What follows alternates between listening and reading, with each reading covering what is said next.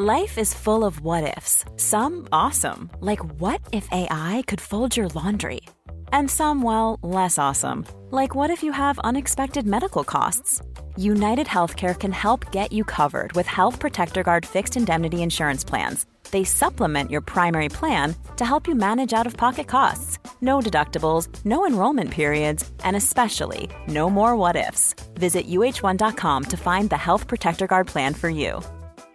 Ready to pop the question? The jewelers at BlueNile.com have got sparkle down to a science with beautiful lab grown diamonds worthy of your most brilliant moments. Their lab grown diamonds are independently graded and guaranteed identical to natural diamonds, and they're ready to ship to your door. Go to BlueNile.com and use promo code LISTEN to get $50 off your purchase of $500 or more. That's code LISTEN at BlueNile.com for $50 off. BlueNile.com code LISTEN. Everyone knows therapy is great for solving problems, but getting therapy has its own problems too, like finding the right therapist, fitting into their schedule, and of course, the cost. Well, BetterHelp can solve those problems. It's totally online and built around your schedule. It's surprisingly affordable too.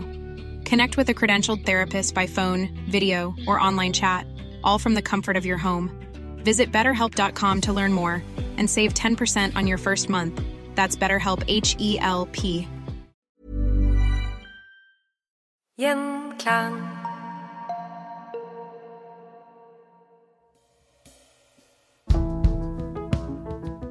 Under folkevandringstiden og ved Vestromerrikets kollaps skulle en liten frankisk klan fra Belgia ende med å underlegge seg gigantiske områder, inkludert hele Frankrike. Dette var merovingerne. Mange kjenner kanskje til karolingerne, men de kom da etterpå. Og med oss for å snakke om merovingerne har vi Sjur Atle Furali fra Teologisk fakultet ved Universitetet i Oslo. Velkommen. Tusen takk. I år 437 etter vår tidsregning, i et sted som ja, ligger i dagens Belgia, ble det født en fyr ved navn Kilderik eller Hilderik. Merovingerne skulle få navnet sitt fra hans far. Var det så? Det stemmer. Hans far var den sagnomsuste og nok ganske mytiske Merovek. Merovek. Det høres eh, ja, det, litt sånn slemmingen i en fantasyverden eller mytologi.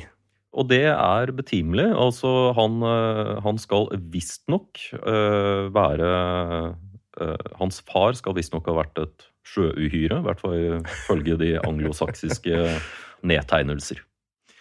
Hvor kom han eller de faktisk fra? Eh, sannsynligvis ikke et sjømonster, altså?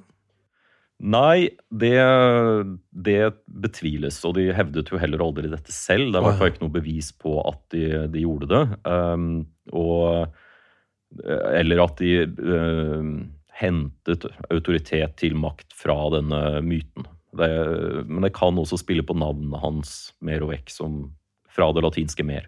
Ah, vann. Ja. Hm, eller i hvert fall litt logikk der.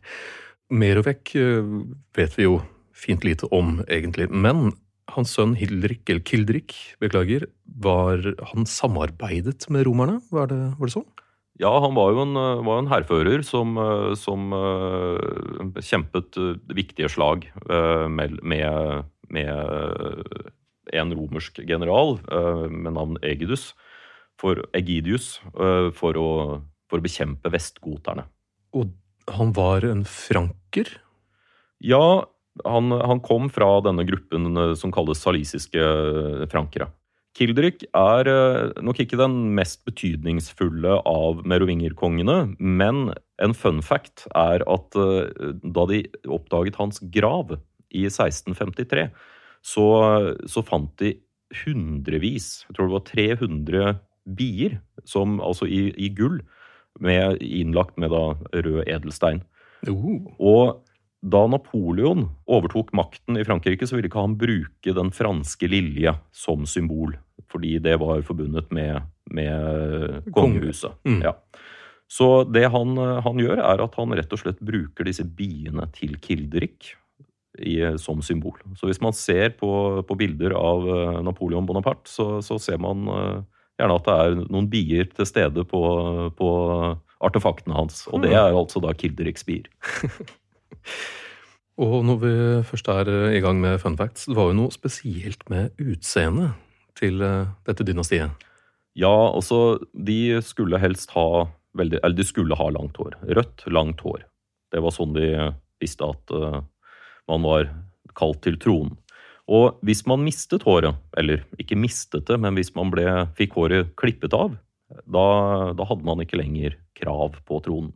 Det hadde jo også den uh, for de avsatte kongers øh, beleilighet, eller dette heldige utfall for dem, fordi at de, man trengte ikke å drepe disse kongene. Man kunne rett og slett bare gi dem en munkesveis og sette dem i kloster. Men hans sønn igjen han blir jo rimelig sentral i denne episoden. Hvem var det? Det var Klodvig den første. Og han, eh, det, er han som, eh, det er han som konsoliderer merovinger-dynastiet på ordentlig, kan man vel si. Og, og erobrer nye landområder. For da Klodvig den første overtar tronen etter sin far, så består Så hersker de over et område som kalles Austrasia. I nord så grenset Austrasia til, til Frisland og Saksen. Og i, i, vest så gikk det helt ut til dagens Calais. Og, og, midt i her så var jo da Köln, og langt sør Metz. Så dette er liksom et ganske stort område som, som dekker, dekker, dagens Belgia og, og store deler av, av, også Tyskland i dag. Sørvest for Austrasia så lå Neustria. Og det er jo da Austrasia er landet i øst, og Neustria er eh, det nye landet. Og det, eh, det nye landet i vest. Og dette erobrer Klodvig den første i år 486. Og i Neustria så er det jo da Paris som er hovedstaden, kan du si. Aha. Og i 502 så erobrer, eh, erobrer Klodvig den første da Svabia, og det er da Strasbourg. Og her er, som, og I Svabia så eh, starter jo Donau, og Rhinen passerer der. Så har vi elvene som, som, var gamle grenser før, men nå er de altså overvunnet, kan du si, av merovingerne. Dette er store områder, for å si det mildt. Ganske store områder. Og det er også noe med navnet hans. Altså Klodvig på norsk, men, eh, men det blir da Ludvig, som de franske kongene igjen skulle sette pris på. Klodvig, det, det blir uh, Louis. Uh, og hvordan man har uttalt Klodvig, det, det er jo usikkert. Men, uh, og, men, det blir i hvert fall da Louis som blir det, Eller Ludvig, det fremste franske kongenavnet. Mm. Han må åpenbart ha vært en, en flink hærfører eller leder med, for å ha greid å samle så store områder på den tiden? Absolutt. Og han, men han får jo da også god hjelp, kan du si. Han gifter seg også med sin Clotilde. Det er en artig sammenfall av navn. Og hun var eh, prinsesse fra, av Burgund og datter av kong Kilperik 2. av Burgund. Og Clotilde, hun altså, Her er vi jo i den situasjonen at uh, merovingerne på dette tidspunktet er ikke, ikke, kristne, men pagane, som er det korrekte navnet på, på hedning. uh, men, uh, og, men Clotilde, hun er kristen. For i Burgund, der var man kristne.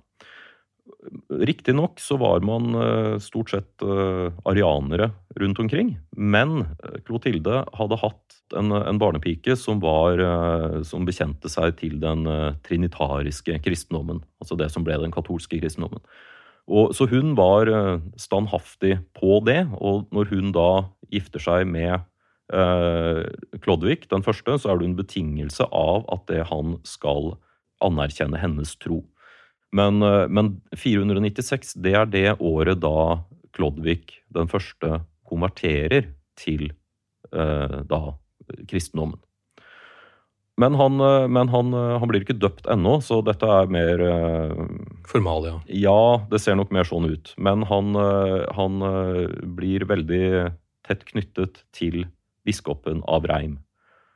Og så lar han seg døpe på juledag i 508. Og det er jo selvfølgelig ikke en tilfeldig valgt uh, dato. Nei. Men, uh, men da, da, er merovingerriket et kristent rike på ordentlig. Og da får han altså allierte som da er kristne, da? eller? Han får i hvert fall hentet en del autoritet til sin makt fra Bysants. hvor, hvor, keiseren Hvor det var en keiser som da var trinitarisk ja, Hadde en trinitarisk kristendomsforståelse, da. Eller bekjente seg til den trinitariske troen. Det i seg selv var nok ganske viktig. Fordi at her, her begynner man å bygge, bygge med symboler for å vise at man har At man er mektig, da. Og at mm. man har en, en, en sterk posisjon. Og, men om det var noe snakk om noen allianser, det, det var det ikke. Men, og vi vet jo at keiserne i Bysants de, de blir jo mer og mer irriterte på, på disse i det gamle Vest-Romerriket. Disse frankerne som de ser på som litt sånn barbariske og, og håpløse. Og da Karl den store kaller seg keiser, da, da blir de ganske, ganske fornærma. Men det er jo da noen århundrer senere igjen.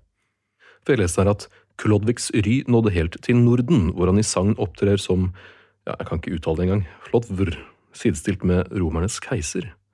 Så kjent var han. Absolutt, og, og dette, som vi også har nevnt tidligere, dette med Uh, keisermakten, altså hva, hva, er en keiser? Det, uh, jeg vil nok hevde at uh, Klodvig den første, han, han ble en, noe som var i hvert fall ganske nært en keiser, og mer enn en konge, fordi at han hersket over enorme Én ting var at det var enorme områder, men det var jo flere forskjellige land, kan man kalle det. Og så mm. det, det satt jo egne herskere i Burgund og i Neustrasia i Paris, uh, og, og, de, eh, og de eh, anerkjente Klodvigs overherredømme. Og i 507, altså året før han, han lar seg døpe, mm. så tar han Aquitain, som er altså det sørlige Frankrike, som hadde sitt hovedsete var Bordeaux. Rett etter vinen. Rett etter vinen. Så eh, man kan jo tenke at han, eh, han skjønte at Eller at han var i hvert fall tilfreds med det han hadde gjort av erobringer eh, i 507, og at han derfor ventet med å la seg døpe til han hadde alle disse landområdene i sine hender. Hva slags Altså ble det noen konflikter med naboer som eventuelt da var arianske, med tanke på at han ja, altså Akitæ var jo et eh, visigotisk eh, område. Så, så og de var arianske? De var arianske. Så de, eh, de, fordrives jo da derfra.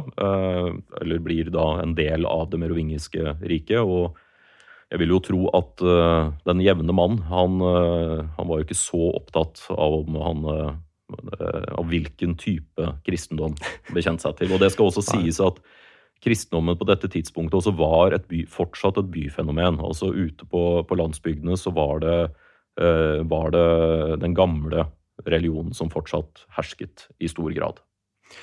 Alle mannerne til øst, for uh, de får også besøk? Ja, og de uh, utraderes. Og alemannerne er et, et veldig, veldig, interessant folk. Og de Man mener at det var en egen etnisk gruppe òg. De, de ble aldri det ble aldri et kristent Det var aldri en alemannisk høvding som ble kristen.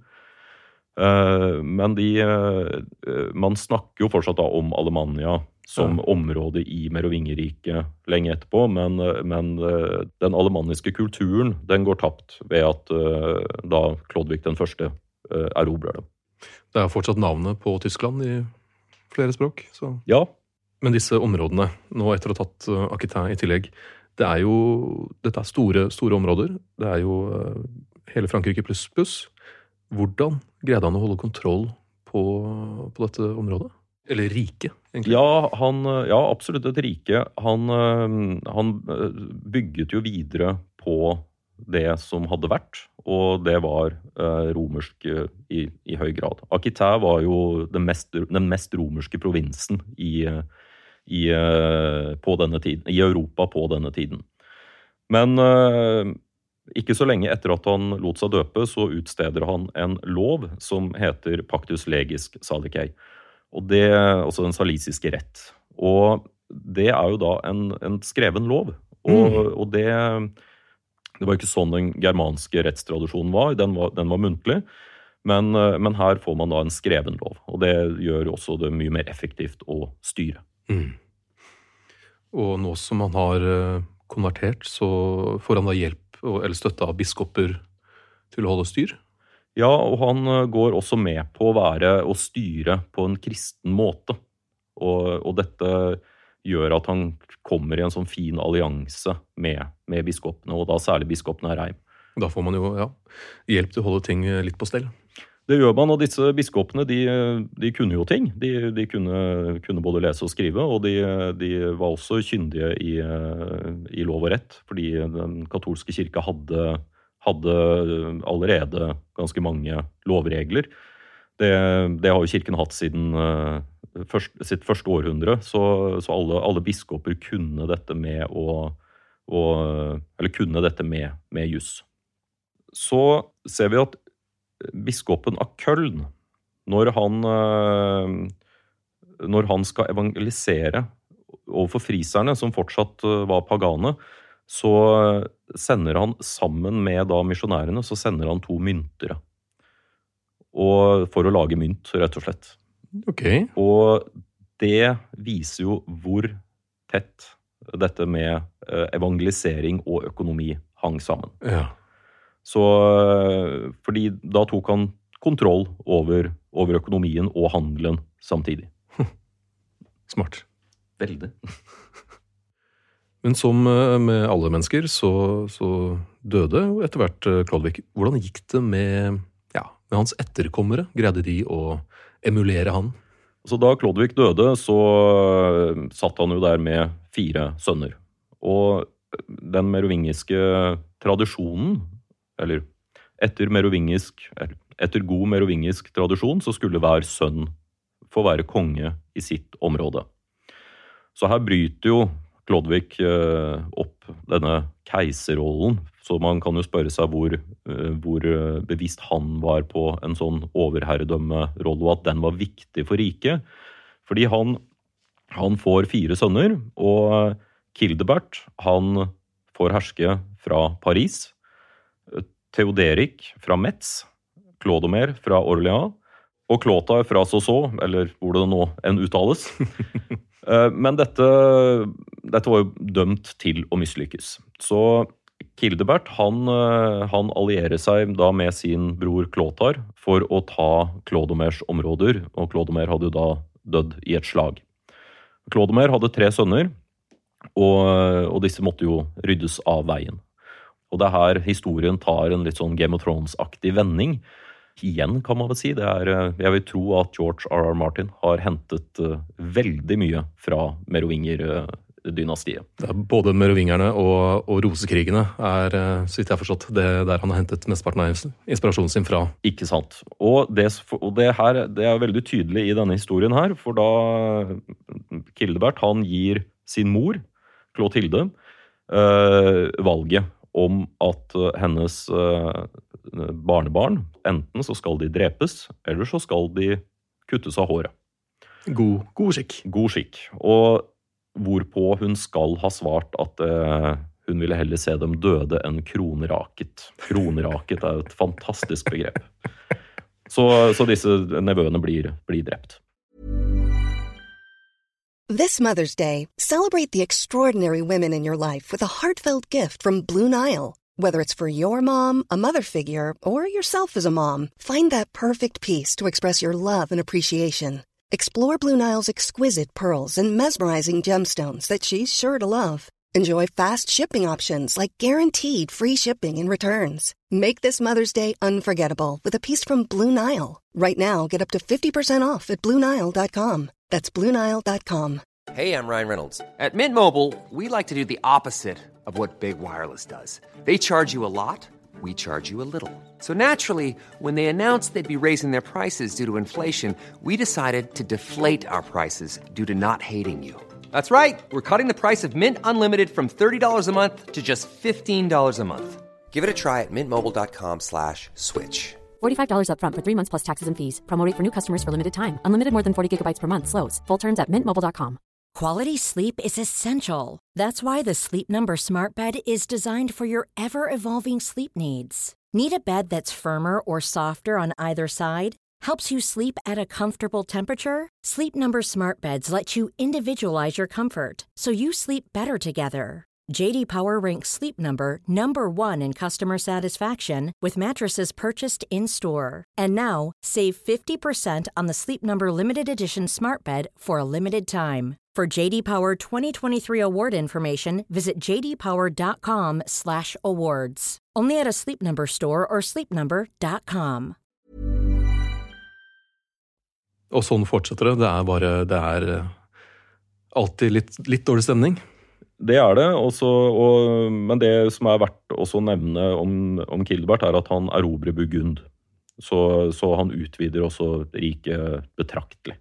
Men uh, i århundrene som følger, så er det, er det hver, hver, ny konge er det et eller annet uh, sånt blodig eller brutalt som skjer. Du nevnte, nå husker jeg ikke akkurat hva, uh, hva den personen het, men det var en som hadde blitt veldig, veldig sint på en dame. Ja, og det er, det er jo da Klåtar den annen. Klåtar den første var han som allierte seg med sin, sin bror Kildebert og drepte disse tre guttene. Mm -hmm. Han, eh, han, eh, er jo som alle disse merovinger, eller de fleste av disse merovingerkongene, i stadig konflikt med, med andre småkonger eller konger rundt omkring i merovingerdynastiet. Og i 613 er det at konflikten med dronning Brunhilda kommer til en, til en slutt. Og da er det hun som går ut som den tapende part. Og nå er vi jo inne i Game of Thrones-sporet, men her dette, Nå har ikke jeg lest bøkene, jeg har bare sett serien, men, men eh, jeg tror dette, dette ble i hvert fall for, eh, for sterk kost for HBO. Eh, eller ville blitt for sterk kost for HBO. Men for altså Brunilda, hun blir ført frem for, for Klåtar, og han, han er eitrande forbanna på denne dama. Og, eh, så han, eh, han, får henne torturert i, i tre dager. Uh, og etterpå, så etter de tre dagene, så blir hun plassert på en kamel. Og hun må, må ri uh, på den foran uh, Og da helt selvfølgelig maltraktert av all den torturen foran, en, foran hoffet og, og alle. Um, før han da får henne Og dette skal visstnok da ha skjedd på, på hans ordre. Uh, at hun får hår, håret og én arm og ett ben bundet fast til halen på en uinnridd hingst. Som, eh, som da sparker henne til døde. Toppstemning. Det, det blir ikke så mye mer brutalt enn det. Nei. Og, og, bare for å illustrere hvor kompliserte disse alliansene ble med aristokratiet og, og, den slags, så hadde merovingerkongene de, de, fikk etter hvert en tendens til å gifte seg under sin stand. De kunne gifte seg med slavekvinner. Oi. Fordi at uh, da slapp de å gå inn i ekteskapsallianser med ett, én uh, adelsfamilie, som da ville provosert en annen. Ja, smart, da. Så det var noen uh, smutthull for å klatre sosialt. Ja. Men i alt dette kaoset, hvordan fungerte kirken da? Altså, kirken ble veldig mektig i merovingertiden. Også, eller om ikke, ikke, mektig som i autonommektig, så ble den i hvert fall uh, fikk en betydelig maktposisjon.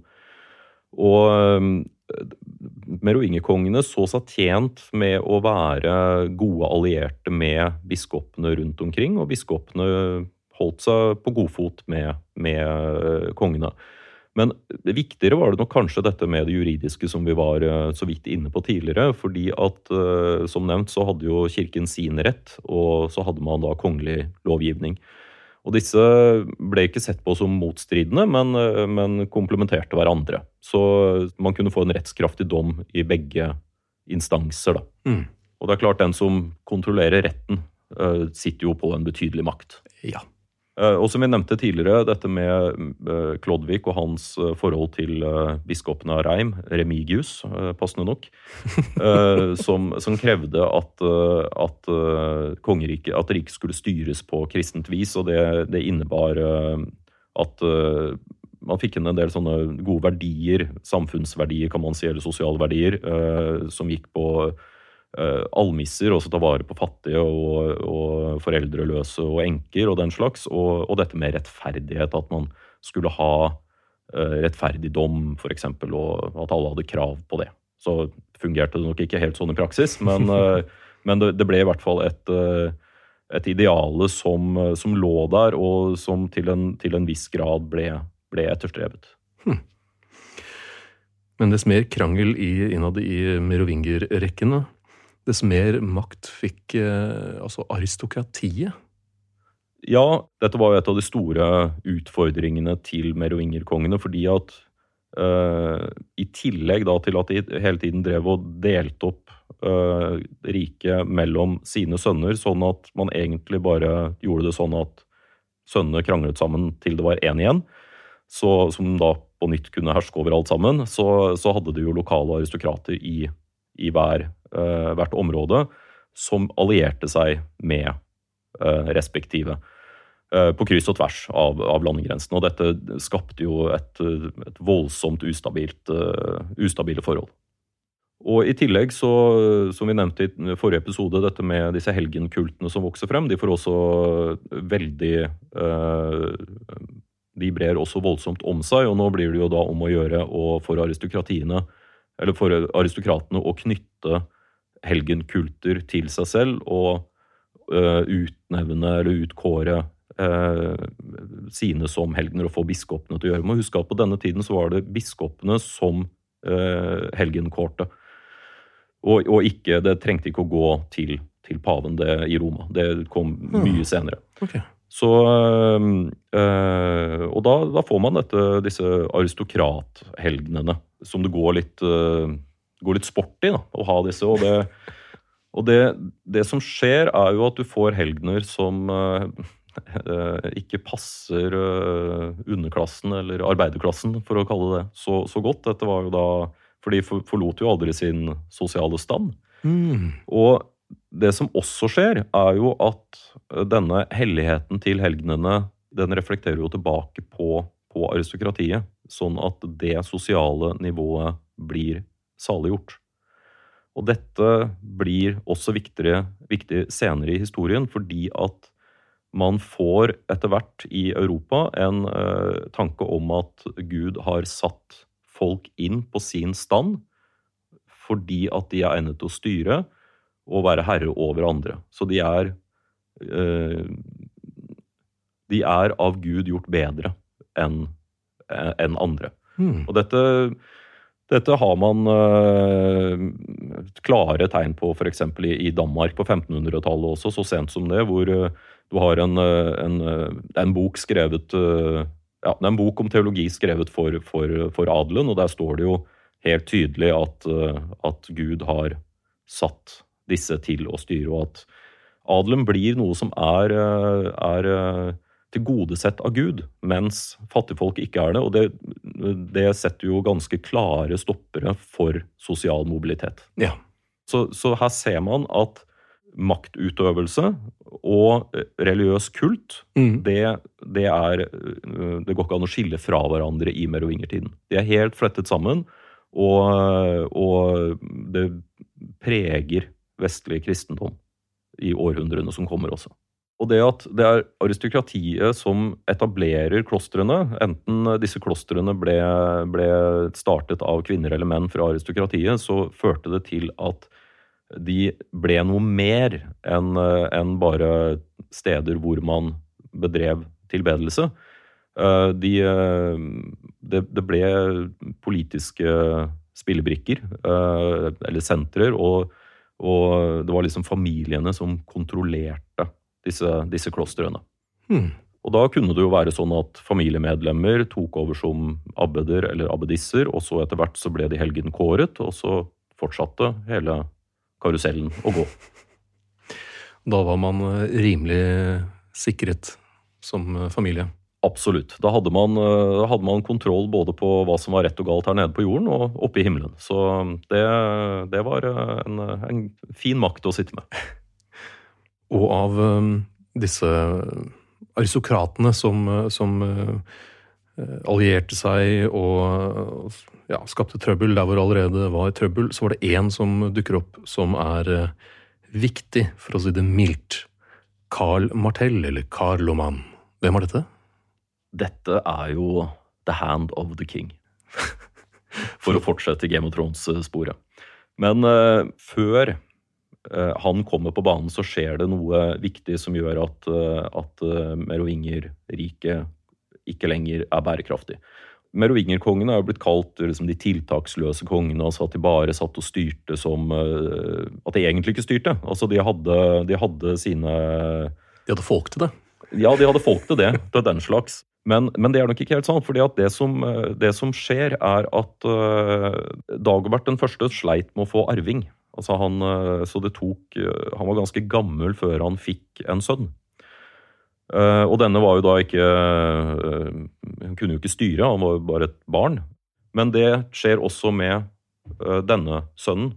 Og så skjer dette flere ganger, sånn at du får en lang periode hvor merovingerkongene Eh, få dør før, uh, før sønnene deres er gamle nok til å styre. Og dermed så har du sånne riksforstandere som, som går inn og, og styrer riket. Og, og, dette er jo da eh, Karl Martell. Han er en eh, fremragende hærfører. Karl Martell betyr jo Karl Hammeren. Og det er jo han som stopper også den uh, muslimske invasjonen i Toulouse, og, og blir jo en, en, helt av det. Så de skinner jo sterkere enn kongene. Uh, eller Karl Martell skinner jo sterkere enn kongen. Men før dette igjen så prøvde Karl Martells far, Pippen den første, å, å, gjøre politiske manøvrer som tyder på at han prøvde å ta tronen fra uh, merovingerne. Og det ble jo det så man. Det, det, var noe, det, var ikke noe, hemmelighet. Så det at det ikke blir straffet, viser ja. jo hvor svakt merovingerriket var på denne tiden. Eller hvor svake regentene var, mm. som ikke klarte å, å, å, stå opp mot dem. Det Karl Martell gjør, er at det, når den nest siste merovingerkongen dør, Theodorik 4., mm. i 737, så setter ikke han inn en ny konge. Og dermed så eh, er det i praksis han som styrer riket. Så dør Karl Martell, og eh, han har gitt uh, riket videre til sine sønner Karloman og Pippin den yngre. Og hele makten, kan man si. De er rikshovmestere. Og da skjer det at i 743, altså to år etter at Karl Martell er død, så setter Karloman og Pippin den yngre, Kilderik den tredje, på tronen. Okay. Og der sitter Kilderik uh, uten egentlig å ha noen særlig myndighet, for nå hadde riket blitt styrt lenge av rikshovmestere. Uh, så han hadde jo ikke noe øving i å regjere. Altså, han, uh, dette kunne han ikke. Nei. Så, og det, det, utnytter jo disse, men så skjer det at han blir avsatt. Og det er ikke en hvilken som helst som avsetter han, men det er paven. Oi. Nå er paven uh, blitt, uh, blitt uh, ganske mektig. han skal bli enda mektigere òg. men det er da pave Sakarias som, som avsetter Kilderik den tredje. Og på, som seg hør og bør, så får han håret klippet av og blir plassert i kloster. Men var, det, var dette her et, et spill da mellom Karloman og, og Pippin og paven, eller? Ja, fordi at det som, det som nå skjer, er at uh, karolingerne skal bygge et imperium, og det gjør de sammen med pavekirken. Og eh, der, eh, der merovingerne hentet sin autoritet fra sitt, sine lange lokker, så, så får karolingerne autoriteten fra paven. Det er paven i Roma som kroner Karl den store til keiser. Og dermed så blir eh, de to maktene forenet for århundrer fremover i Europa. Og, og kirken i øst syns kanskje ikke så mye om dette? Kirken i øst syns det var uh, kanskje litt uh, latterlig til og med at, uh, at en stakkels germaner skulle drive og ikle seg keiserverdighet på ordentlig. da har vi gått gjennom merovingerne. En komplisert historie? Ja, den, den, er ganske komplisert, og den er mye mer komplisert enn det vi har rukket å, å se på her. Ja. men viktig for, for Europa frem i tid. Absolutt. Den, altså med Merovingerriket så samles Europa på en, på en ny måte. Altså Vest-Romerriket hadde ikke samlet Europa øst for Rhin og Donau, men det blir nå i, til dels gjort. Og så fortsetter karolingerne i det sporet. Eh, de eh, etablerer en eh, veldig sterk kirke med sterke biskoper som, som får mye verdslig makt fordi de får overdratt enorme landområder fra da adelsmenn som har stått på feil side og den slags. Og, og blir, blir, mektige de blir, de blir, mektige, enkelt og greit. Men og i tillegg så, så dukker legges det veldig til rette for klostre, og det klostrene som vi ikke har snakket så mye om i dag, men det, de blir veldig betydningsfulle for, for Europa som læringssentre og kunnskapsbaser, men også veldig mektige landherrer. Så fra et sjøuhyre til lange røde lokker til kristning til klostre, til politisk makt og til The Hand of the King, Carl Martell. Dette var da historien om merovingerne. Vi kunne ha snakket enda lenger om det der, men nok får være nok. Sjur Atle Furali, tusen takk for at du kunne komme og prate om merovingerne for oss. Tusen takk for at jeg ble invitert. Og så er det bare å sjekke ut historier som endret verden på Instagram. Hvis du ønsker å høre om litt mer lokal historie, altså norgeshistorien, så er det bare å sjekke ut vår søsterpodkast Historier som endret Norge. På gjenhør.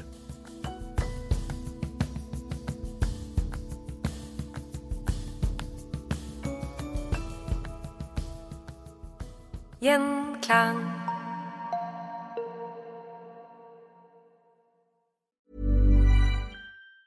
Mom deserves the best, and there's no better place to shop for Mother's Day than Whole Foods Market. They're your destination for unbeatable savings, from premium gifts to show-stopping flowers and irresistible desserts. Start by saving 33% with Prime on all body care and candles. Then get a 15-stem bunch of tulips for just $9.99 each with Prime. Round out Mom's menu with festive rosé, irresistible berry chantilly cake, and more special treats. Come celebrate Mother's Day at Whole Foods Market. Hey, it's Danny Pellegrino from Everything Iconic.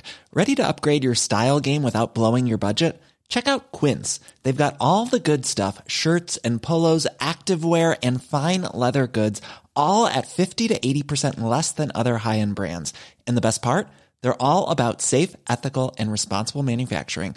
Get that luxury vibe without the luxury price tag. Hit up quince.com slash upgrade for free shipping and 365 day returns on your next order. That's quince.com slash upgrade. Mom deserves the best, and there's no better place to shop for Mother's Day than Whole Foods Market. They're your destination for unbeatable savings, from premium gifts to show-stopping flowers and irresistible desserts. Start by saving 33% with Prime on all body care and candles. Then get a 15-stem bunch of tulips for just $9.99 each with Prime. Round out Mom's menu with festive rosé, irresistible berry chantilly cake, and more special treats. Come celebrate Mother's Day at Whole Foods Market.